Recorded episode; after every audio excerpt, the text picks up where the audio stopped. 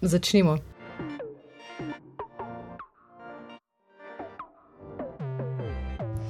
Eh, zdravo, sem Uršula, letnik 1993. Eh, Zaradi vzgoje, letnika rojstva in izobrazbe se ne oziram v preteklost, da bi delila ljudi na naše in njihove, temveč verjamem, da bi morali prav zaradi zgodovine te delitve preseči eh, in posameznike ocenjevati po njihovih dejanjih. Skrajni čas je torej, da se osvobodimo in če stoji svet na mladih, potem je trenutek pravi. Pred 30. obletnico samostojnosti gostim še ne 30-letna gosta. Zdravo. Zdravo. Najcen Katja, dobrodošla. Za začetek, eh, kratka predstavitev. Kdo sta, kaj počneta, eh, zakaj ste se odločila sodelovati v tem pogovoru? Um, jaz sem Ned Strampuš, um, drugače sem fotograf in intermedijski umetnik. Uh, ampak moja tematika, s katero se predvsej ukvarjam, je tudi okoljevarstvo. To v bistvu komuniciram skozi svojo umetnost in ker je to itak povezano tudi z ostalimi družbenimi vprašanji, naj se ukvarjam tudi širše od tega. In zaradi tega sem se odločil, da prijem tudi sem in pač se dotaknem tudi teh tematik, čeprav niso direktno povezane s tem, kar se ponovadi ukvarjam. Katja. Zdravo, um, jaz sem Katja, letnik 97 um, in sem v bistvu trenutno zaposlena v hiši Evropske unije oziroma v pisarni Evropskega parlamenta, tako da se kar veliko ukvarjam z neko pozicijo Slovenije v svetu mal širše. Um, in prišla sem na ta pogovor predvsem zato, ker me izjemno zanima, kako je, če obstaja nek forum, kjer se ta mnenja lahko izraža, ki jih imam, ker se mi velikrat zdi, da ga nimam, uh mhm. -huh. oziroma da nobenega tok ne zanima to, kar imam zapovedati, oziroma da nekako ne najdem sogovornikov, s katerimi bi se lahko pogovarjala o teh stvarih. Um, in zato se mi zdi to, da lahko zdaj eno uro z vama govorim o samosvojitvi, o politiki um, in o prihodnosti Slovenije, tako neverjetna sreča. Zanimivo, da vam je vsem gostom, eh, ki sem jih imela v vseh teh oddajah do zdaj, zdelo, da nimate priložnosti pravega odprtega prostora za diskusijo. Zakaj ne in kdo bi moral to omogočiti? Ne na zadnje, kaj te delaš v hiši Evropske unije. Zdi se mi, da bi prav ti morali imeti nek dostop do, do tistih, ki odločajo, ali pa vse lažje dostop do njih. Težko je, ker je Bruselj tako daleč, ker sta Strasbourg in Luksemburg in Frankfurt tako daleč. Kako, mhm. kako dosegaš do tega? Še posebej, če prehajaš iz vzhodnega dela Evropske unije. Mhm. Tako da, um, ja, izvoli. Ja, jaz sem hotel reči, da v bistvu jaz, ne, ki pa prihajam iz malo drugačnega okolja, ne, kot, kot umetnika, ne, pa v mhm. bistvu vseeno imam priložnost nekaj povedati. Ne. Uh -huh. In lih zaradi tega tudi govorim o takih tematikah, ne, ker čutim to neko odgovornost, da pač, če imam nek prostor, kjer lahko nagovorim neko, recimo, malo večjo množico ljudi, kot nek poprečen državljan, ne, da, da tudi povem nekaj, kar je vredno povedati. Ne. Nec, kje konkretno? Kje konkretno? Uh mhm. -huh. ja, prek razstave in uh -huh. pol mhm. posledično tudi, ne prek razstav, prideš lahko v neke medije, imaš neke intervjuje in tako naprej. Ne. Tako da tudi v mediju pa, pač imam nek prostor. Ampak spet je prostor, ki si ga bolj utiraš sam, kakor ti ga dajo drugi. Ja, in to je to svojim pa, delom. Ne? To pa definitivno. Ja. Da dobiš prostor v medijih, se je vedno treba malo boriti. Redko kdaj se zgodi, da te sami povabijo, tako kot se je zdaj. Točno to. A te lahko z nekaj vprašamo, v bistvu s tem prostorom, ki si ga zdaj omenil?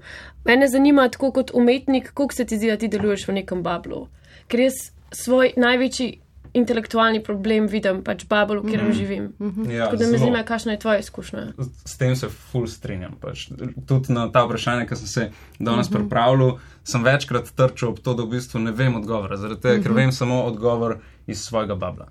Zdaj, koliko jaz lahko s svojim glasom sežem ven, jaz upam, da nekaj vseeno lahko, ker neke medije, ki so bolj široke, vseeno pač poslušajo, berejo, gledajo tudi neki ljudje, ki so izven mojega babla, ampak recimo neke feedbacke in neke debate in tako naprej, pa vseeno mhm. se dogajajo znotraj. Ne. In posod so ti mehurčki, ne? Ja. Eh, ne glede na to, kje si v tem kasnem političnem, družbenem sistemu, si v nekem mehurčku in bi ga moral preseči. Ne? Pa če govorimo o odločevalcih, ki bi morali nagovarjati mlade, tudi obratno gre mladi, ki so izredno aktivni v razno raznih združenjih. Ne? Vprašanje, kako daleč mm. lahko sežejo, ampak zdaj že opažamo spremembe. Verjetno se strinjate, civilna družba se je aktivirala, mladi so se aktivirali. Ja, pomeni ja, spremembe kazenskega zakonika, uh, zdaj bo referendum za vodo. To so premiki, ki so jih sprožili tudi mlajši, vajni vrstniki, recimo. Ja, se strinjam in mislim, da sem videla oba dva v bistvu sodelovala pri referendumu uh -huh. za mhm. pitno vodo. In se mi zdi, da to je res pokazalo, da obstajajo ljudje, ki tako razmišljajo, kot jaz. In zato mi je bilo tako užitek zbirati tune podpise pred Linhartovo. Ampak še zmeri se mi pa zdi, da ta v bistvu neka sploh ni radikalizacija, samo organizacija civilne družbe je tok počasna in mm. tok prepreke na poti. In jaz velikrat razmišljam, zakaj smo tako apatični, pa kaj je glavni razlog, da smo tako apatični. Pa, ko naredim ta razmislek, sem tako ugotovil, da se folk realno boji ljudje se bojijo tega, da bojo izgubili teh par dobrin, pa teh par stvari, ki jih imajo v življenju. In zaradi tega folk ne gre na proteste. Ja, danes jaz se strinjam, da danes je prisoten ga velik strahu. Uh mhm. -huh. ker, ker res je neugodno, da takoj, ko se oglasiš, lahko pač tvegaš. Ne? Tudi to, da smo danes tukaj, v bistvu ja. do neke mere tvegano. Ne? Nekdo jo lahko citira, postavi v drug kontekst, eh, nekdo jo lahko Tako. ubira po svojih platformah. Uh, Dogajalo se je že, da so iskali stare fotografije, družinske povezave, kaj pa jaz vem, kaj še vse ne. ne. To vseeno je pritisk, sploh za mladega človeka. Ja, in zaradi tega se mi zdi, da se mrzdo v bistvu, ki bi drugače mogoče bil aktiven, ne, v bistvu postane resigniran in se pač umakne malo v kot, malo utihne ne, in pač smo tukaj, kjer smo. Tako da meni se zdi, ja. Se, se mi zdi, da se v bistvu tako, recimo, kolektivno gledano, se zbuja ta, ta neko zavedanje, pa, pa pač vse ljudje aktivirajo, mladi aktivirajo, da bi pač začeli so ustvarjati prihodnost, ker konec koncev pač vemo, da je to naša prihodnost. In zdaj se za našo prihodnost odločajo neki ljudje, ki so na pozicijah moči že dolg, dolg, dolg časa. In mislim, da se zavedamo, da je to treba pač. Da moramo sami vzeti vajeti v svoje roke. No? In zaradi tega se zbujamo, um, vsem pa ni, ni to krožno. To, mhm. Jaz bi se vsem želel ja, več. No. Jaz bi še eno stvar rekla, glede referenduma, ker smo zbirali podpise, ker smo zbirali podpise. Jaz ne bi rekla, da je večina ljudi, ki je prišla podpisati mladih ljudi. Uh mhm. -huh. Tam so prišli letnik 28, tako stari ljudje v paru, tako ob 11, tam pridejo počas, podpišejo. In jaz mislim, da so stari ljudje, starejša generacija, je dosegla ta referendum, ne mlajša vsaj jaz nimam več nekih podatkov o tem, ampak tak je bil moj občutek, veliko manj je bilo mladih. Tako da se mi zdi, da še zmeri smo mi veliko manj aktivirani, kot pa naši detki, pa babice. Mm. Vprašanje je, zakaj? Ja, zakaj? Kaj mislite? Uh, nam je bilo preveč udobno, vseeno mi trije smo rojeni v samostojno Slovenijo. Uh, nikoli se nismo odločili o tem, v kakšni skupnosti bomo živeli, vsaj ne v tem nekem širšem smislu. Nismo se za to borili, ne poznamo prejšnjega sistema. Je mogoče to tisto, zakaj smo tako udobno ugnezdeni v nek sistem, v katerem kar se prilagajamo, pristajamo na prekarno delo? Mogoče je to en razlog, zdaj druga stvar, ki bi pa jaz tudi rekel, je pa tudi to, da tempo življenja danes je izredno hiter. Ti si bombardiran z nekimi pričakovanji, o, kaj moraš doseči, kako hiter moraš doseči. Obenem so se v bistvu stvari zamaknile, kasneje dosegamo te stvari, ki so se včasih dokaj hitro, recimo družina, pa, pa hišo imeti, pa tako naprej. Ne. To so malo tako, doskrat sanje za nas, ne stanovanje, ne, kaj je to. tako, da, tako da, ja, no, um, ne vem, tudi to se mi zdi, da vpliva. No. Jaz bi sem še nekaj dodala. Meni se zdi, da ena velika razlika med prejšnjim sistemom in torej starejšo generacijo nami je to, da je starejša generacija pozna koncept skupnosti. Hmm. To, da ti skrbiš drug za drugega, da ti znaš sprejeti neko odločitev, ki mogoče ni izključno dobra samo za te, ampak tudi za koga drugega. Ker se mi zdi, da enkrat, kad tega koncepta skupnosti ni več, kot ga recimo zdaj ni več, potem se zelo malo stvari tiče prav tebe. Torej, zelo malo stvari, na kjer boš reagiral. Če pa imaš ti koncept skupnosti, neko zvestobo družbi neko zvestobo ljudem okrog sebe, potem se aktiviraš mnogokrat več. In se aktiviraš skupaj. In jaz mislim, da taka družba ima moč in prihodnost. In tega zdaj ni več. Ampak ja, ti, ki nam vladajo, če govorimo zdaj o recimo poslanski skupini 90 ljudi, vseeno so tudi taki, ki so del te starejše skupnosti, o kateri govorimo. Ne? Pa na recimo temu številnih institucijah so zdaj ljudje, ki pa niso ravno predstavniki mlade generacije se vam zdi, da upoštevajo ta koncept skupnosti, da delajo za skupno dobro, da eh, odločitve, ki se sprejemajo zdaj v Sloveniji, v tem letu, v prejšnjem letu, eh, da so neka prava pot skupnosti, skrbi drug za drugega, trajnostnega razvoja. Ja, jaz bi najprej v bistvu se navezal še na to, ne, na prejšnjo tudi malo vprašanje in sicer. Zdi se mi, da je osamosvojitev glavna stvar za Slovenijo, ker nismo imeli recimo vojne, kot, kot se je zgodila pač na jugu. Uh, se mi zdi, da glavna stvar, ki je Slovenija doživela s tem, je premik vrednot. Pač mi smo se iz nekih bolj socialnih vrednot um, in socialističnih vrednot, ne, pač premaknili v zahodne vrednote, v kapitalizem in tako naprej. Ne. In vse so te ljudje, ki to nas pač upravljajo državo, so bili zraven pred tem ne, in so itak šli skupaj s tem. Tako da ni čudno, da tudi danes sledijo tej logiki, ne pa nekim skupnostnim vrednotam in tem, kaj Katja prej rekla. Ne. Torej, če tudi so izhajali iz nekih teh skupnostnih vrednot, so zdaj prešli v en tak fin turbokapitalizem. Ja, ja. Ja, mislim, jaz, jaz, jaz mislim, da ta premik je bil brutalen. Pač ta premik iz socializma v kapitalizem se je pri nas zgodil tako hiter. Jaz sem o tem sem pisala enkrat eno magistrsko, kaj pa nisem končala. Ampak redomystifikacija. Eno, malo sem jo, malo sem tam pisala. No, ampak sem pisala o redomystifikaciji žensk, ki se je zgodila iz leta 91, ki je prišla crkva noter, zbrisala vse vrednote, politika je uporabila crkv in retradicionalizirala družbo. In mi smo šli takrat nazaj v vrednotah. Mi smo šli nazaj in družinsko gledano, in skupnostno gledano. Te stvari so se obrnile takole. In valjda pa čakaj, ljudje niso tako hitro sledili. Ampak jaz mislim, da te ljudje, ki so danes še zmeri na oblasti, oni realno verjamejo, da so te vrednote boljše in da so te vrednote prave oni verjamejo to, da, da mora vsak poskrbeti za svojo rit in da je to najbolj pomembna stvar. In če ti imaš, pa nekdo drug ne sme imeti, ali kako? Tega jaz ne razumem. Ne vem, ali je moja jugo nostalgija tako povezana s tem, ker imajo moji starši, ampak ne dvomam. Pač jaz vem, da so neke stvari v prejšnji družbi, ki so funkcionirale, ki jih zdaj ni več. In to je bil ta odnos med ljudmi. Ja, jaz bi si želel, ne, če se navežemo na te neke delitve, ki jih mogoče predvsem občutimo zadnje čase. Čeprav mladi, jaz mislim, da smo jih presegali. Ne. Tudi jaz mislim. Pač jaz mislim, da smo šli res, res naprej od tega. Um, in jaz bi si želel, pač, da, bi, da bi to se odražalo tudi v družbi. Ne. Ampak nažalost pa to zadnje čase občutimo te delitve in se pač nazaj vračajo te diskurzi, se mi zdi. Sej, do neke mere je to, je to prav, da se pogovarjamo tudi o stvarih, ki so se dogajale. Konec koncev, tako kot si rekla, da imamo pogledati Jugoslavijo, pa pogledati, kaj je bilo dobrega in kaj je bilo slabega. Jaz mislim, da oboje najdemo. Ja, in če pogledamo še dlje nazaj, recimo o drugi svetovni vojni in dogajanju okrog tega, ki je zdaj spet tudi posod. Ja, ok, treba je o tem pogledati, tudi zaradi tega, ker se pač vračajo neke mogoče vrednote, ki so bile takrat. Pač žive ne? in je mogoče danes tudi treba pogledati, kaj lahko potegnemo usporednice, pa je to dobro ali ne ampak dajmo ne se zapletati, pa iskati krivca, pa, pa tako naprej. Dajmo pač to vzeti pač kot neko učno snov, razumeš, kot, kot nekaj, iz česar lahko se nekaj naučimo in gremo dalje in pogledamo prihodnost. Tako da jaz bi si res, res želel, da bi se mi sfokusirali na naprej, oziroma na zdaj in naprej. Ja, mislim, jaz mislim, da ful, ful več gledati v zgodovino nima tudi več smisla.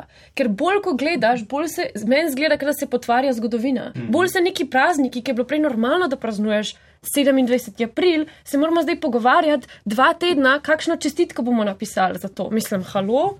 30 let imamo mi raziskovanja druge strani zgodovine. Jaz mislim, da je tega dosti, jaz mislim, da moramo mi potegniti črto. Seveda, počastiti moramo vse ljudi, ki so morali ne, počast, ne jih počastiti, ampak pač jih razumeti in dati vence na grobove, to je treba delati, ampak še iti pa naprej to raziskovati, jaz o tem ne vidim nobenega smisla. Uh, smo mi tisti, ki bomo to prekinili. In ko govorimo o tej skupnosti, a res delamo na tem in vidva konkretno, da se vračamo k neki širši, res skupnosti, kot je pravita, uh, drugačnemu načinu življenja. Ker vseeno se mi zdi, da pa. Sodelujemo v tem kapitalizmu, individualizmu, v tem, da je treba poskrbeti zase, Eh, najprej, naj si bo z izobrazbo, zaposlitvenimi možnostmi. Vseeno je vsak v tem sistemu na nek način prepuščen samemu sebi. Res je. Jaz mislim, da nas kapitalizem naj, najbolj mlade, nas je toliko, sorry, izrazu zajebal, da pač zdaj nimamo druge možnosti, da iščemo pomoč drug drugega. In to nas bo na koncu pripeljalo nazaj skupaj. Ta sistem, ki si toliko sovraž skupnost, nas bo pripeljal nazaj skupaj, ker nimamo več nobene druge možnosti. Tako jaz to vidim. Ja, ja, jaz se strinjam. Ne. Ampak nažalost. Ni kanibalizma med mladimi. Ni kanibalizma med mladimi, vseeno se mi zdi, tekmujemo. Ker ne Mislim, moremo drugače, ker, ker drugače boš je. ostal pač nekje, v najboljšem primeru, na neki socialni podpori ali boš zajedal nekoga drugega. In v tem kapitalističnem trenutnem ustroju si tega mladi, ki smo izobraženi, učeni, ne želimo. Ne? Vsak se želi preživljati od sebe, od svojih talentov, znanja. Definitivno si ne želimo. Ne? Meni se zdi, da smo se znajdeli v neki zoprni situaciji med dvema ognjema. Ker, ker v bistvu smo v tem sistemu, ki, ki se mu moramo podrediti na nek način, ker pač ne moreš živeti čisto izven pač sistema, v katerem živiš, ampak po drugi strani pa vemo, da to ni pravo, vemo, da bi mogli pač spremeniti vrednote in začeti delovati drugače. Ne? Kako to furati? Hm. ne vem, tudi mislim, da se to schizofreno, ne? Zelo ja, schizofreno, ja. zelo schizofreno. To je ta večna dilema, ki mi ne pusti spati, ne, ne pusti mi spati po noči. Da moramo reformirati ta sistem, ali je edini način, da ga je konc. Tega jaz ne vem. Pač reforma ja, ampak reforma znotraj sistema je brez veze, konc koncev. Kaj pa je druga možnost? In ta praznina, ko pomislim na drugo možnost, je stvar, ki me ubija, iskreno. Mislim, dokler ne bomo, jaz mislim, da tako bistveno spremenili vrednot, ki nas ženejo, ne? od individualizma k kolektivnemu, mislim, da ne bo teh sprememb. Ampak sem pa, sem pa optimističen, da se bo to zgodilo v naslednjih desetletjih. No? Mogoče ne zdaj takoj, pač vseeno zdaj še smo toliko mladi, da še nismo na pozicijah moči. In jaz vsem pa vidim, da naša generacija, pa mogoče celo še mlajši od nas, ja, ja. so pa predvsej zavedni, kar se tega tiče. Jaz samo upam, da ne bo se zgodilo, da bomo se mi pa pač mlajši od nas pokvarjali skozi to pot, to, ko bomo prišli na pozicijo moči, da bomo yeah. Ja. isti. Jaz res upam, da ne. Sploh ne moči, samo dobja. Ker si enkrat na ja. poziciji yeah. dobja, imaš dosti cash, imaš tisoč evrov in to je to, in si zadovoljen, in greš na počitnice na pak za dva tedna. In pa si udoben. To ti je udobno, to je kul. Cool. In nekdo drug bo počel to namesto tebe. Ja. Eh, lahko upaš, da bo nekdo drug se ja. boril tudi za te, ne, posredno ali neposredno, z različnimi akcijami in se aktiviral medtem, ko boš ti na dopustu, ker imaš neke ugodnosti bonitete. Uh, ja, ki verjamem, da so za številne mlade nedosegljive. In, in če ti enkrat uspe dobiti eno pogodbo za nedoločen čas, se verjetno stvari tudi za te spremenijo. Seveda. Mm -hmm. Pa ne čutimo, ne čutimo odgovornosti, da skrat. Uh, mislim, ponovadi poskrbimo za sebe zdaj, ne? in dokler si ti kul, je kul, cool, pa pride do tega, da moraš neko svojo energijo, čas, denar, konc koncev, vložiti v, v nekaj, kar je za skupnost, no to pa že pol mrzdo se malo vpraša, a bi ali bo rajš pač poskrbel zase, pa naredil vse podobno. In ko razmišljate o tem, zakaj se potem samo aktivirate in počnete nekaj za dobrobit ostalih, konkretno referendum, zakaj? Zakaj, kaj te niti treba? Delaš pripravništvo, eh, si super izobražena ženska, veliko let si preživela v tujini, naj ti si nagrajen umetnik prodiraš s tem, kar počneš na sceno, slovensko in širšo. Zakaj, ko govorite o obdobju? Jaz mislim, da mene tako najbolj pri tem referendumu žene pravica, pa tako jeza. Ker sem spremljala eno leto od marca, kaj se dogaja, ampak vsak dan te zbode in pol je enkrat, enkrat je pa samo dovolj. In pri tem referendumu je bilo tako, da se je bilo zelo lahko pridružiti. Zdaj, meni je to pomagalo, meni je bila to vstopna točka, da pač pridem noter, da naredim eno stvar in da vidim rezultate svojega dela. Hmm. Zato, ker najtežja stvar pri aktivaciji je to, da civilna družba ne zna ponuditi priložnosti za to. Za me je bil referendum absolutno nek vstop. Bila je mogoče, bilo je na ključje, mogoče je bila sreča, ampak od zdaj, od takrat naprej mi je pa veliko lažje. Pa druga stvar je pa, da imam dost privilegijev, da tudi če bi šlo kaj politično narobe, bi me recimo moji starši pa moja družina finančno vzdrževali kle moram to omeniti. Jaz te službe, ki jo imam, krvavo ne rabim. In to je stvar, ki meni omogoča to, da sem malo bolj brez strahu. Ja, to bi jaz ful potrdil, da, da to se strinjamo. Mrzlo kdo enostavno ni v situaciji, da bi lahko se udejstvoval, ker enostavno se bori za svoje preživetje. In ja. nima ne energije, ne časa, ne ničesar, nima pogojev, da bi lahko se zdaj ukvarjal s tem, da bo podpise za referendum zbiral. Um, zdaj, zakaj sem pa jaz tukaj, bi pa mogoče kar povedal zgodbo, kako sem jaz prišel do aktivizma. Um, jaz sem skozi študij dojel to, kar sem prej rekel, da kot umetnik lahko komuniciram na zven. In pa sem rekel, ok, se pravi, če komuniciram, dajmo komunicirati nekaj, kar je vredno. Ne? In pa se je to začelo, v bistvu sem, sem pač prepoznal okoljevarstveno krizo oziroma pač okoljsko krizo kot največji izziv naše družbe v prihodnosti. In pol, ko sem začel delati umetnost na to temo, je pa prišlo leto 2019 in tisti podnebni štrajki in te stvari. In ko je prišel ta prvi štrajk, je, sem jaz videl razpis, da če bi se ljudje pridružili, vabili so na, na sestanka. In pa sem bil tako, ok. Okoljsko naborništvo. Okoljsko naborništvo. ja. In pa sem pač se mogel, ne, moja vest mi ni dala, da se jaz na to pač ne bi odzval. Ne. Imel sem pač možnost, imel sem, kot sem rekel, tudi zaledje dovolj, da sem to lahko si prvoščil. In tako sem se aktiviral. Po me je pa kar mal potegnil uh, in sem še vedno v bistvu aktiven v tem. Uh, v bistvu v veliki meri lih zato, ker, ker zaradi svoje pozicije čutim odgovornost, da sem zraven in obenem tudi vidim priložnost, da pač nekaj naredim, da ni, da sam ležim pa uživam v življenju, ampak da lahko nekaj spremenim tukaj. Ne. Mogoče, upam, le, mislim, včasih tudi. Uh, Mislim, da ne moram več spremeniti, ampak upam, da lahko, vsaj malo. Mene, mene ful skrbi to, kako je težko, v bistvu, zdaj, ko se meni okoljsko krizo, kako je težko ljudem to povedati, kako je to neka stvar, ki je res, res, res nevarna in da se dogaja ta trenutek. Ker jaz, jaz včasih to ful težko razumem, ful težko si predstavljam. Ker je to daleč prav, samo v bistvu ni to daleč prav. Mislim, problem je, da je okoljska kriza zelo abstraktna stvar. Ja. Ne? Pač ne moreš je, mislim, sploh, sploh zaradi tega, ker veliko stvari pride malo za mikom. In ker se stvari dogajajo, vse je sorazmerno počasno. Ni zdaj tako, da bi iz danes na jutro se nekaj čist spremenilo. Ne? Ampak se to dogaja tako leto, dve, tri desetletje, ne, tako nekako in zadevo sprejmeš. Ne? In ker je tudi tako abstraktna zadeva, ker se nekaj dogaja tam na drugem koncu sveta. Mhm. Gori v Sibiriji, ne? Ja, ampak kaj se to zdaj zgodi? Tam ni še nikoli gorelo, dima, točno pač, to. Pa vroče tudi do ognja, se pravi, redno, ne mislim. ja, piranje nad vodo še vedno, ne? Ja, ja, ja, ja. Da, zadeva je tako neotipljiva, abstraktna mm in pač ljudje enostavno ne razumejo tega. Ne? Da bo treba tukaj pač urgirati, če ne bomo sami sebi. Jaz osebno verjamem, da je ta civilizacija sposobna samo sebe pokopati v naslednjih. Upam, da ne desetletjih, ampak stoletjih. No. Je zavajal nek ta puš, potisk, vzgon, kakorkoli. Uh, tudi to, da se mladi, se mi zdi, kar čustveno odzivamo uh, na to, kar se dogaja zdaj v svetu. Ne? Kaj ti si omenila, da si spremljala to zadnje koronsko leto in da si vsakeč bila presenečena sama nad seboj, kako čustveno odreagiraš, da te prizadenejo stvari, če tudi se te morda neposredno v tistem trenutku ne tičejo. Ja, absolutno. Mislim, jaz mislim, da vsakeč, ki se je zgodila neka stvar, sem bila tako, ki je hujša od tega več, ne more biti, ne more si prvoščati nekaj več. In te me je, aj, vsakeč znova presenetil. Um, zdi se mi, da trenutno vlada ideološko gre proti vsemu, kar jaz sem in kar jaz verjamem.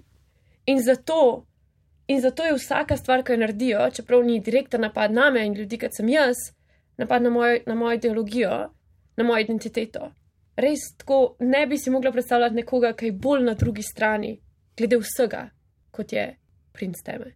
Ja, jaz se bojim, da vseeno tukaj je veliko resigniranih ljudi, ki jih prizadane, ampak reče, e, kaj pa bomo, le. mislim, probali smo vse. Um, Prže malo puško koruzo in ostanejo. Ne? Tako da jaz bi si želel, da bi se pač pri nekih vprašanjih, ki se pač njih osebno dotaknejo, pač ljudje vseeno malo bolj aktivirali. Ne? Mhm. Je bilo to pri tebi najc tisto, eh, da te je čustveno nekaj premaknilo, ker včasih na racionalni ravni seveda, ja, nekdo ti lahko predstavi številke, o katerih smo pregovorili, globalno segrevanje, dvig morske gladine, taljenje ledenikov, čez 50 letih v Alpah več ne bo, bodo tisti največji izginili, ne.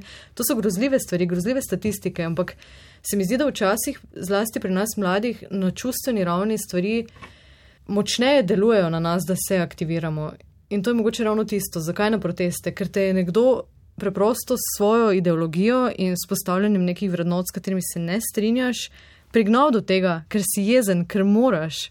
Mislim, jaz bi rekla, da se nam jemlje država, da se nam jemlje prihodnost. To, to mene prizadene. Jaz bi tudi rada živela v Sloveniji, jaz bi tudi rada imela tukaj družino pa 15 otrok, ok, ne, sorry, tri.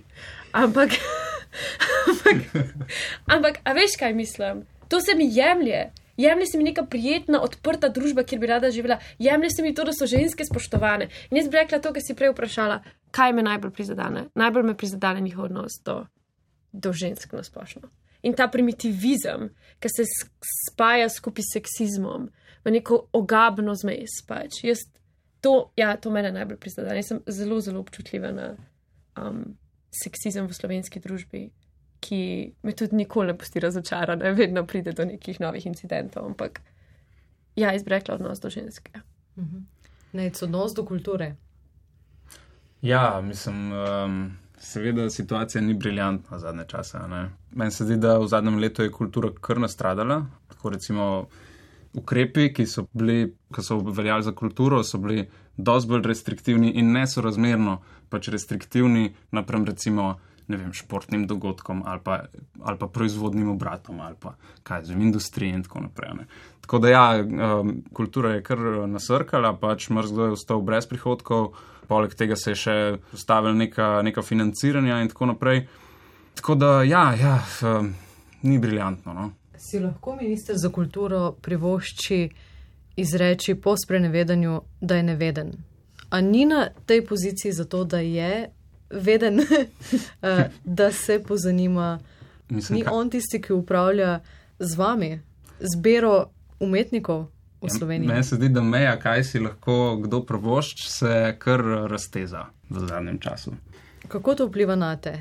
Vem, da se ostro odzivaš na krivice v družbi, eh, da komuniciraš vse to skozi svojo umetnost. Prej sem omenila, si nagrajeni umetnik.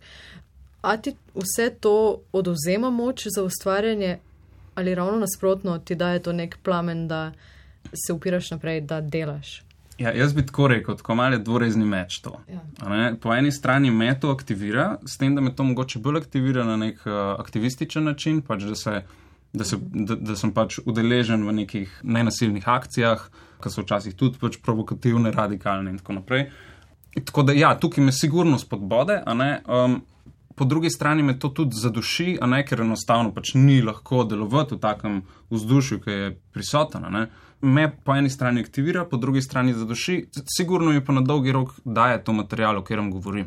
Se ne, da bi si želel, jaz bi bil full vesel, če bi lahko govoril o nekih lepih zadevah, sam pač enostavno pač govorim o stvarih, ki mogoče niso tako zelo fajn. Tako da na dolgi rok pa ja, mi daje to material. Zdi se mi, da tudi širša evropska skupnost uh, ima kar nekaj materijala letos uh, za pogovore s Slovenijo. Kaj ti, kako ti to opazuješ? Doštudirali si mednarodne odnose, uh, imaš tudi perspektivo človeka, ki je bival in uh, študiral v tujini. Kakšen ugled ima zdaj v tem trenutku Slovenija onkraj naših meja? Ga je zastavila pri vseh teh upozorilih, ki smo jih dobili? Jaz mislim, da če rečemo zastavila, pa moramo si nekako predstavljati, da je kadarkoli neki fulmela. Um, jaz mislim, da po mojih izkušnjah izven Evrope noben ne ve za Slovenijo. No, čeprav zdaj v Ameriki vejo, no, zaradi um, Donalda Trumpa, pa čestitke. Ampak znotraj Evropske unije se mi pa zdi, da je zelo težko pričakovati, da bojo take akcije, kot jih ima naša vlada, ostale neopažene. Ker oni se ne izmišljujejo nekaj novega, oni pač delajo stvari, ki so jih delali deset let nazaj, Poljska pa Mačarska. To to so te iste stvari. Gre samo za to, da se mi zdi, da ta odziv proti Bruslu, ta neka rezistenca do avtoritete je samo tako res izbrana, glede na njihove motive. Torej, zdaj se upirajo. Pred desetimi leti, ko je prišla trojka, pa ko so nam dali vse te ukrepe in ko so uničili našo avtonomijo kot država, takrat je bilo pa vse v redu. Torej, jaz mislim, da se naš odnos do Evrope zelo nekako poklaplja z ideološkimi preferencami trenutne vlade. In um, sigurno ugled je uničen, pač to, to, to sploh ni vprašanje ampak jaz mislim, da zelo pomembna istočnica v tem pogovoru je, da moramo mi itek na, na novo zastaviti naš odnos z Bruslom. Zato, ker smo res zmedeni s tem, kaj si želimo, kaj je naša strategija. Mi nimamo neke zunanje politične strategije, sploh. Nam se zamenja strategija vsakeč, ko se zamenja vlada, kar je na dve leti in pol. Tako da, tako da mislim, da je to nek širši problem. Ampak rekla bi, da trenutno imamo veliko večje težave, kot to, kaj si v Bruslu mislijo o nas. To bi jaz rekla. Notranje politične. Absolutno. Kaj pa vidva? Glede na to, da živimo v nekem globalnem svetu, imamo tudi razne programe, študijske, omogočeno nam je potovanje v tujino, prakse, evropska sredstva, umetniki, vem, da jih črpate, ko jih le lahko, ker so temu tudi namenjene na neki širši evropski skupnosti. Kako vidva gledata na, na naš položaj v Evropski uniji? Po eni strani samostojna Slovenija, neka entiteta in potem širša entiteta Evropske unije. Um, ja, jaz mislim, da pač, če smo v Evropi, da dajmo to gojiti. Tako, meje so odprte, lahko sem šel na, na Erasmus, ne sem bil skoraj pol leta v Bratislavi. Mislim, Partislavi. Partislavi. ja. um, tako da, mislim, meni je to kul cool, in meni je, meni je težko videti, kako zdaj v bistvu se to malo razkraja, se mi zdi. Mislim, da niti ne samo. se pojavlja. Ja. ja, pa ne samo v Sloveniji, jaz mislim, da, da, da je to pojav tudi širše. Tako da jaz bi si želel, da se to, to goji. Jaz bi rekla, da um, se EU pač ne more razkrojiti vsaj naslednjih par letih. Ne? Ampak glede našega položaja v Evropski uniji, se mi zdi pa, da se tudi mladi zavedamo, da je v bistvu mal problematičen in da ni vedno tako, da Nemčija daje denar nam, ko smo bogi in to je to. Največji problem Erasmusa je to, da slovenski kader, najboljši kader študentje grejo v tujino in tam dobijo in vidijo, kako je, če imaš In ti neko ostanejo. normalno plačo in tam ostanejo. Gre za izkoriščanje naše delovne sile, gre za beg možganov. Druga stvar pa prej, ker si um, govorila o teh skladih in programih za financiranje kulture.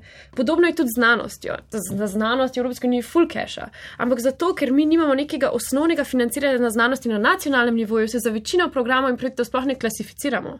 Torej, mi bi lahko veliko več stvari potegnili iz Evropske unije, če bi naša država normalno delovala. Torej, jaz bi rekla, da naš potencial v Evropski uniji ni popolnoma dosežen, hkrati pa nismo sposobni kritično gledati na to, kaj vse izgubimo zaradi tega našega položaja. E, jaz- bi si tudi želel, da bi Slovenija pač postavila neko malo bolj dolgoročno strategijo, kaj želi sploh doseči, ne, in da bi pač ta strategija bila tudi malo bolj barvana z, ne, z nekimi svežimi mladimi idejami. Ne. Um, ne vem, mogoče da se mora naprej kadri zamenjati za to ali kaj. To bi bilo super. Ne? In ena stvar, ki se mi zdi, da bi bi res biti fokus in da bi bilo tudi tako čisto iz preračunljivega vidika smiselno, je, da se sfokusiramo na, na neke recimo zelene, mogoče ne bo vsakmu ta izraz všeč, ampak recimo neke zelene priložnosti, ki se odpirajo. Mi smo toliko mehni, da lahko zelo hitro prekvalificiramo stvari, da lahko pač preusmerimo zadeve. In mislim, da če bi Ratel en izmed recimo vodilnih na tem področju, bi to začeli lahko izvažati in bi to lahko Slovenijo pač postavili uno, med, med vodilne na tem področju in to je prihodnost. Pač cel svet se obrača proti zelenem, zaradi tega, ker pač se bomo mogli. In zakaj ne bi bili prvi tukaj? Ja, Meni je to žal, da tega ni. Ne? Prepozni smo. Prepozni smo. Če bi mi to delali 30 let, bi bili zdaj vodili na tem področju. To recimo Estonija naredila, se mi zdi, ki je glavna digitalizacija v Evropi in vlagajo take že 15 let. Mi smo od zadaj z zeleno politiko in zelenimi, um, zelenimi idejami. Tako da ja. Ampak smo vsem tako mehni, misliš, da, da, da ni, Ja. da, bi, da se lahko recimo mi hitreje transformiramo, kot pa neka Ja. kvaj, zvem, Francija. Ne, razumeš? absolutno. Mislim, če bi mi zdaj dali dober plan za okrevanje, da dobimo ta sredstva, ki bi bil realno zelen, realno digitalen, bi to mi bi lahko ogromne stvari No, delali. sej ne. Na naši ni, vem, ravni. ta plan je Ja. precej. Ampak smo zamudili neverjetno priložnost. Pa še sam, da se navežem nazaj na to, ne, kako to odnos Evropska unija Slovenija. Ne. Meni je zanimivo, kako zdaj vidimo, da v bistvu stvari, ki se v Sloveniji dogajajo, grejo tudi Evropski uniji do neke mere v nos, ampak se Evropska unija, unija sploh nima nekega vzvoda, kako pač vplivati na to, kaj lahko nam pipco zapre, to je pa vse. Tega ne naredi, dokler ni res hudo, mislim, ne vem, če se to že zgodilo. ne. Ampak to pa lahko naredi naša vlada konkretno za Slovensko tiskovno agencijo, ki Ja. praznuje 30 let. Ne? Ko smo spet pri tem nekem načinu kaznovanja, podrejanja, očitno teh vzvodov moči Evropska unija nima, če tudi se odziva na stvari, ki se dogajajo in jim niso povšeči.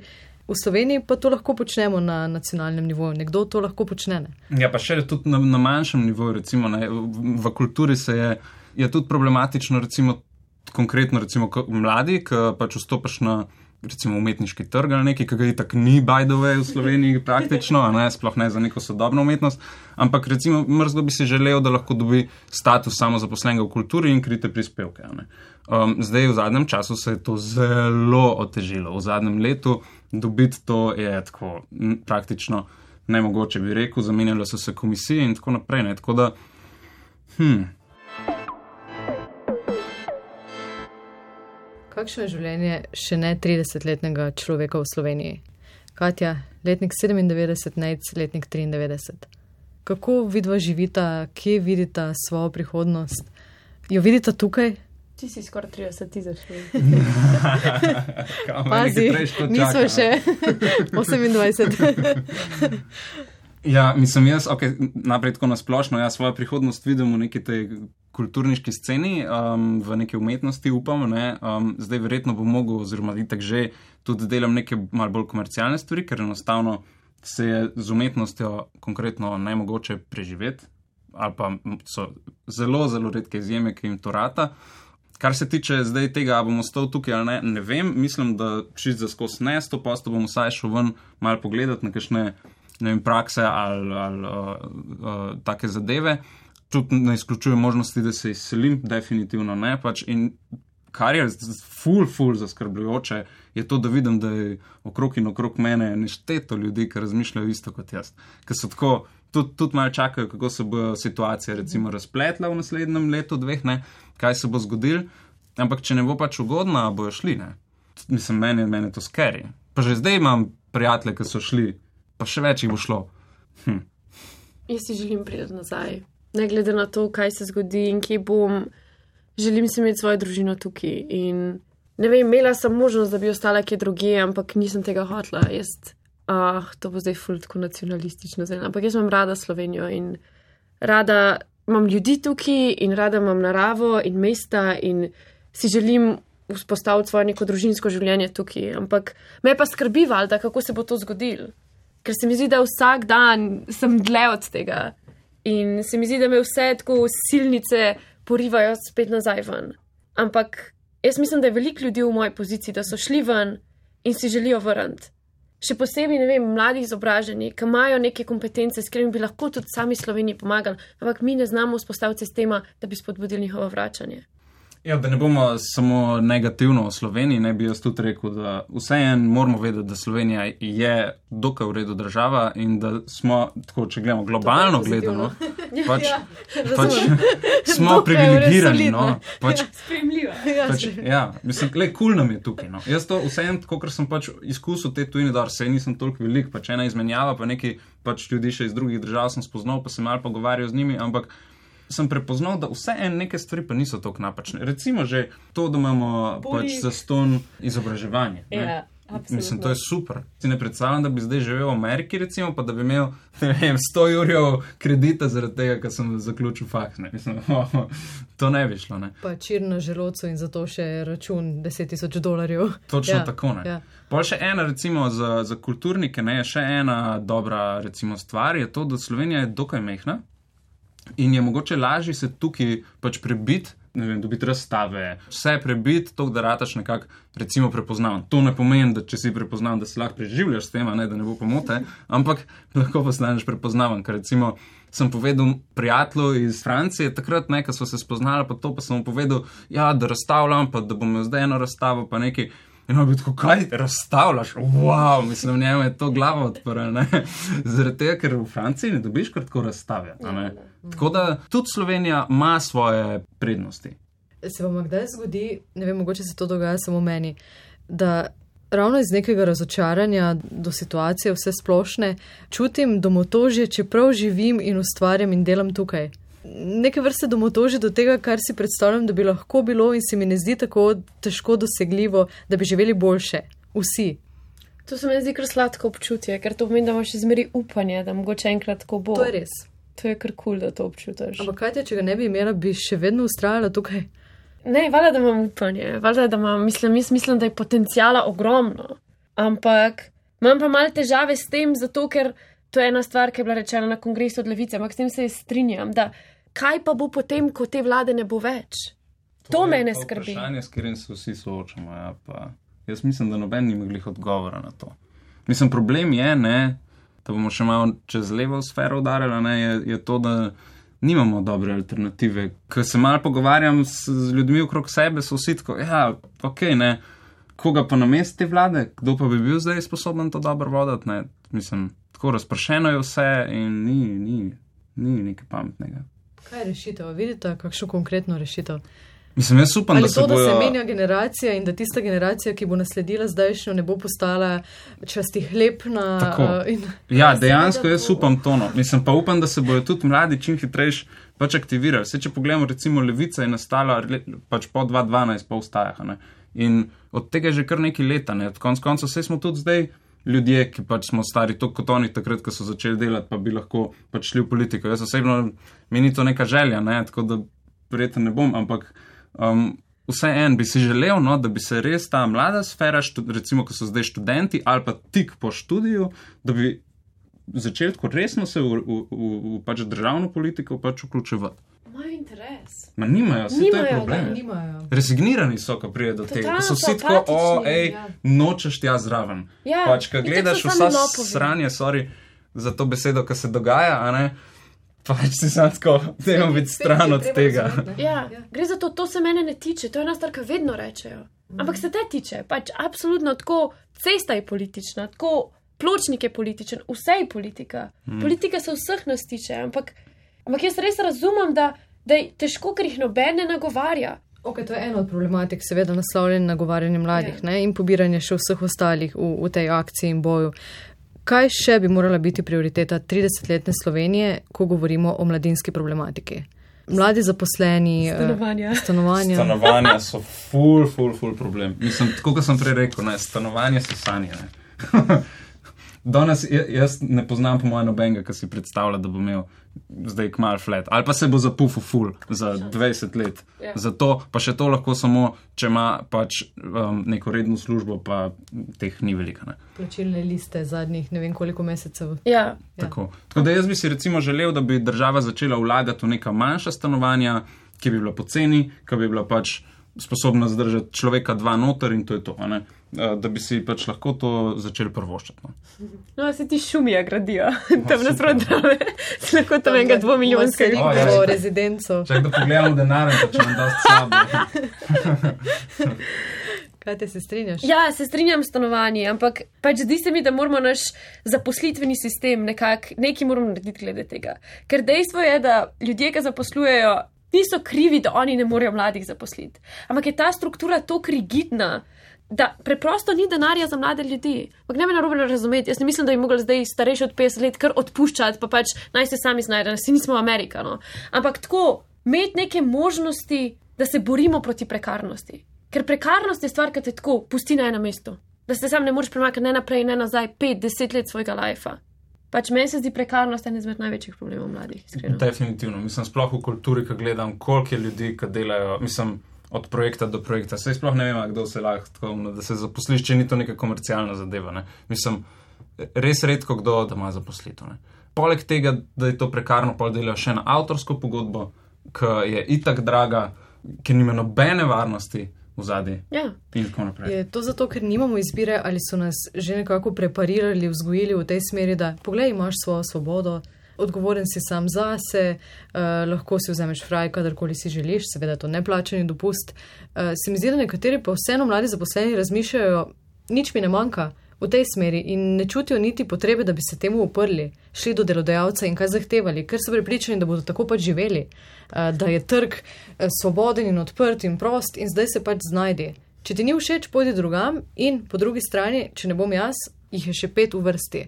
Trg ni nikoli prost, je pa sam neizprosen. To bi jaz rekla. Se mi zdi, da se oni strinjajo s takim lifestylem, pokoče pet let, potem pa hoče imeti družino, pa gotovo, da to ne bo šlo. Ampak ja, pač kapitalizem nas je prepričal, da je to edina možnost in da edina svoboda, ki imamo, je to, da si izberemo, kaj delamo. Kaj pa, če si izberemo, da nočemo garati 12 ur na dan, pa se ji ne pravi, da je to pri nas tok problem, ampak se razvija v to smer, še posebej prekarci. Se mi zdi, ne, svoboda je v tem, da ti ni treba tok delati, da smo prišli tok daleč kot civilizacija, da ti ni treba biti vsak dan 12 ur v službi. Naša ideja o svobodi je ponoma zgrešena. Mislim, problem je, da, da ta sistem kapitalističen, v katerem smo, pač vedno išče full presežka. Pač nikoli ni dost to, da ti preživiš. Vedno moraš več zaslužiti, pa imeti dobro avto, pa kvaj z nekaj vse. Ja, jaz mislim, da se mi zapiramo v ta neka naša mala kraljestva, ki si nagrabimo pač nek cash, ki si ga zaslužimo, ne nagrabimo, zaslužimo in potem tok varujemo to, ker imamo ta en flat, ta en avto. Noben ga ne spustimo noč. Ja, ja. Ampak veš, ne, če je ta pot tako težka, da prideš do stanovanja, ker je stanovanska problematika ja. tako velika, potem ko enkrat si utirjen v to pot, se ti verjetno zamegli pogled, ker šibaš po tej poti kot na vlaku in, in se ne oziraš levo in desno. Ti vidiš svoje stanovanje, do katerega načeloma ne, ne bi imel dostopa, ja, ker ja. je dostop. To je nek prvinski nagon, da moraš za vsako ceno to zaščititi. In vsi ljudje so grožnja, da ti bodo oni to vzeli. In migranti, in geji, in revni, in iz Bosne priseljenci, vsi. In kulturniki. In kulturniki so. ne nas pozabiti, plis. Zelo taka m, mm, družba strahov, številnih strahov ja. in ksenofobij in drugih fobij. Postajamo, se mi zdi. Mogoče je epidemija še vplivala na to, da je poglobila te strahove, ne? ker so se številnim dobesedno sesula vsa pričakovanja od izgube služb, projektov, od katerih so odvisni, ne samo kulturni sektor, ne, za gostince, turistične delavce. Vsem se je vse razblinilo v bistvu v enem letu in mogoče je to še poglobilo strahove, da bo nekdo drug vzel. Mislim, pa noben, nobeno več ne more verjeti za res. Ker, ker tudi tako, če gledaš, mislim, zaupanje v, v vse sistem. pada, v cel sistem pada, tudi v, v recimo znanost, v zdravstvo zaupanja več ni in, in pač zdaj je to tako gojišče, ono teorij zarod in strahov in vsega tega. In zdaj smo se v nekem zosu znajdel tukaj, no se mi zdi. Ja, v krču smo, se strinjam. Popolnem krču. Ampak zato je kriva uradna, uradna komunikacija z državljani. Tam se začne. To je nek role model in pa se tam začne. In če oni tako z nami komunicirajo, se to sam razširja. Mi bomo imeli 30% precepljenost, najverjetneje. Najverjetneje ne več, ker folk noče se jih več cepiti. Mislim, sam kdo je za to kriv? Komunikacija je kriva. Slaba komunikacija. Tako jaz na to gledam. Kaj pa mladi, kako razklani ali pa sprti ste uh, med sabo? Uh, iščete v teh drug v drugem ali se brigate zase, um, se najdete v kakih podobnih skupnih točkah kot, kot generacija v preseku ali ne? Mislim, jaz ful težko tukaj rečem, lih zaradi tega, ker sem že prej rekel, da smo v Bablu. Ja, absolutno. Mislim, jaz, jaz ne vem, kaj je nekje tam. Seveda v... iščeš podobno misleče. Ne? Ja, ja itak, pa na koncu mi še algoritmi na Facebooku ja. pa tako naprej pomagajo pri tem. Mislim, sej, sej težko, tudi če iščeš drugače ja. misleče, skoraj težko prideš ven iz tega. Ne? Tako da jaz bi si ful želel, da bi, da bi lahko se dejansko soočali tudi z drugačnimi mnenji, imeli debate, prišli do nečesa. Ne? Mislim, jaz, jaz se. Z z nekom, ki voli SDS, sploh v bistvu nimam priložnosti pogovarjati, razen če grem na družinsko kosilo, kar je neka druga stvar. Ampak tako, zdi se mi, da dlje časa, ki smo na razen, recimo jaz s folkom, ki voli SDS, pa s folkom, ki je anti-vexter, pa verjamem, da je Bill Gates začel korono, pa da je Borut Pahor predsednik. Tovarne Slovenija, whatever. Pač vedno bolj sem na razen, vedno manj stikam, vedno težje se mi je bolj realno pogovarjati. Jaz se nisem sposobna z njimi več pogovarjati. Ful, sem, ful mi je to težko ful težko najdem neko skupno točko. In se mi zdi, da me to res tako paralizira. Ja, ampak to, je, to jaz vidim kot ful velik problem, da, da so ja. te babli ratali. Zaradi tega, ker, ker na tak način se sam znotraj vsakega posameznega babla pač samo jača mnenje, ki je ustvarjeno. Ja, pač mi bi pa mogli, za moje pojme, bi mogli iskati skupno pot. Pač če bomo skregani še naslednjih 30 let, Pa če bomo še mladi, še naprej skregani, tako kot so starejši, mislim, kam bomo prišli, nikamor. Ja, pa, mm -hmm. pa še ena stvar se mi zdi, Ljubljana ni Slovenija. Mm -hmm. Ne, ni. To je ena stvar, ki jo fulkrat pozabimo. Ja, ja, se strinjam. Ja. Absolutno, kar se kaže v, in v statistikah, in v razvoju, in vsem. Ne. Ja, ja, res je. Kako konkretno vidva so ustvarjate boljše politike in kaj si želite doseči v prihodnosti? Vidim, da apatija vaju še ni povsem zapredla v kokon, ampak. ne še čist. Ne še čist. Ne. Kar jaz delam je to, da, tako kot sem rekel, svojo umetnost pač peljem v to smer in se udejstvujem po svojih najboljših močeh v aktivizmu. Zdaj ni vedno lahko, so prišli momenti, ko mi je pobrali toliko energije, to, pa sem še kakšne druge stvari v življenju, ki so me matrali, da, da sem enostavno mogel malo odmisliti. Ja. Ampak um, pač se trudim po svojih najboljših močeh tukaj. Ne. Nec, pred kratkim si bil na Polskem. Ja, res je. Ja. Lahko poveš več. Tako zanimiva aktivistična okupacija se mi zdi, no, za to. Ja, ja, lahko. Ja, bil sem, bil sem na Polskem, v, mislim, s kolektivom Vilčice v, eh, na območju Nora 219, to je v Bješčatskem narodnem parku. Fora je v tem, da tam hočejo, oziroma so že začeli izsekavati gost in sem se pridružil v bistvu pri okupaciji tega gozda oziroma tega območja Nora 219. Zdaj te okupacije so v tujini mogoče bolj razširjene, v Sloveniji jaz ne vem, da bi sploh kakšna taka okupacija kdajkoli bila, ampak v tujini se to dogaja, zdaj včasih tudi pride do, do nekih tako guno, pri evikcijah, pa to do nekih fizičnih konfliktov z, z avtoritetami in tako naprej. Zdaj mi tukaj nismo imeli take situacije, ker je bilo v bistvu miroljubno, zadeva traja že pet mesecev, by the way, oni so tam že od januarja in pač so bili pri minus 20 v tistih šotorih, nekih improviziranih, iz nekih palcev, iz gozda in tako naprej. Tako da mislim, to so ljudje, ki so pf, vsaka čast, kapo dol, nimam kaj reči. Zdaj, jaz sem tam bil v nekem mirnem času, ker smo itak uh, samo pač bili prisotni in si delili svoje izkušnje in tako naprej. Skillshare week je bil, tako da nisem imel nekih konkretnih konfliktov. Ne. Zdaj, pogovarjali smo se še ne o tem, kako daleč pa sem pripravljen iti. Ja. Ne vem, ne znam čisto odgovoriti na to, um, zaradi tega, ker je čisto odvisno od situacije. Ne. Načeloma podpiram tudi neke bolj provokativne akcije, dokler so nenasilne. Ne. Nasilje ne podpiram, ne. ampak uh, dokler so nenasilne, olguda. Ne. Zdaj, če se odvisno, pa kaj se bo dogajalo, kje bomo, mogoče da bo tudi treba tukaj, če bo referendum padel, ne, pa bo tudi mogoče tukaj treba iti v neke okupacije in tako naprej. In pač sigurno bomo slejko prej se tudi mogli konfrontirati recimo s kakšno policijo in tako naprej. Je pa v Sloveniji vsem mal bolj mirna um, aktivistična scena kot po tujini. No. To pa opažam. Zaenkrat za je bolj mirna. No. Katja, kako so ustvarjali boljše politike? Okay, jaz sem zdaj to malo razmislila, medtem ko si ti govoril, um, ker se mi zdi, da jih v bistvu tako na prvo žogo. Sem zelo kritična, ker se mi zdi, da ne delam dost. Ampak grem zdaj v bistvu študirati ekonomijo v Pariz. In to grem delati zato, ker se hočem naučiti o tem sovražniku v največji, največjem neoliberalnem centru v Evropi. Tako da bom pa delila svoje zunanja s tem.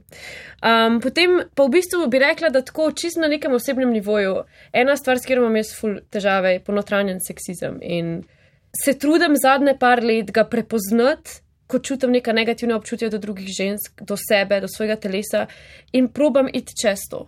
Ampak to je neka stvar, ki mi vzame ful energije, pa ful časa. In probam, če ne vem, smo na družinskem kosilu, probam nekaj reči, ki prije do seksističnih for.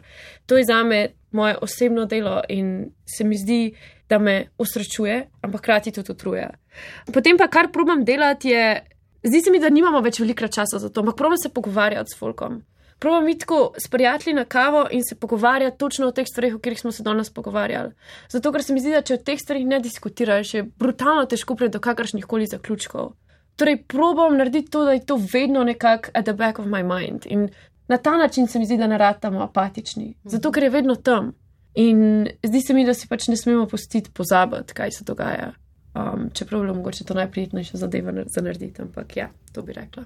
Ampak istočasno se mi pa zdi tudi pomembno, da se ne skurmo. No, v ja. aktivističnih krogih opažam, da je to klasika in pri nas in v tujini, da ljudje pač se zgarajo, da je pol tudi se nekako častite ljudi, ki so ulejo, kva pa vse on dela. Ne, pač svaka čast ne in ja. pol pač ga čez par mesecev ali pa čez pol leta ni več, ker enostavno ne zmore. Ne. Treba je to delati, ampak zmerno na tak način, da pač zmoriš to na dolgi rok. In izbiraš kratki rok, da neč ne pomaga. Mm. To je spet nazaj na skupnost, ki smo začeli ta pogovor s tem. Če, če bi skupnost delovala, bi ljudje lahko tudi drug za drugega poskrbeli na tak način. Kaj se mi zdi, imamo to idejo nekega individualnega heroja, ki bo rešil svet in tudi zaradi tega se dogajajo te brne. In izvorov, točno zato. Ja. Mm, mm. Mm.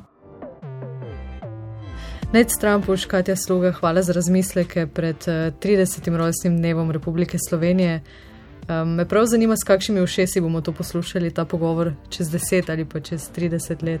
Kaj se bo spremenilo, kaj morda ostalo enako, kje boste, če boste še vedno pri nas ali že kje v tujini.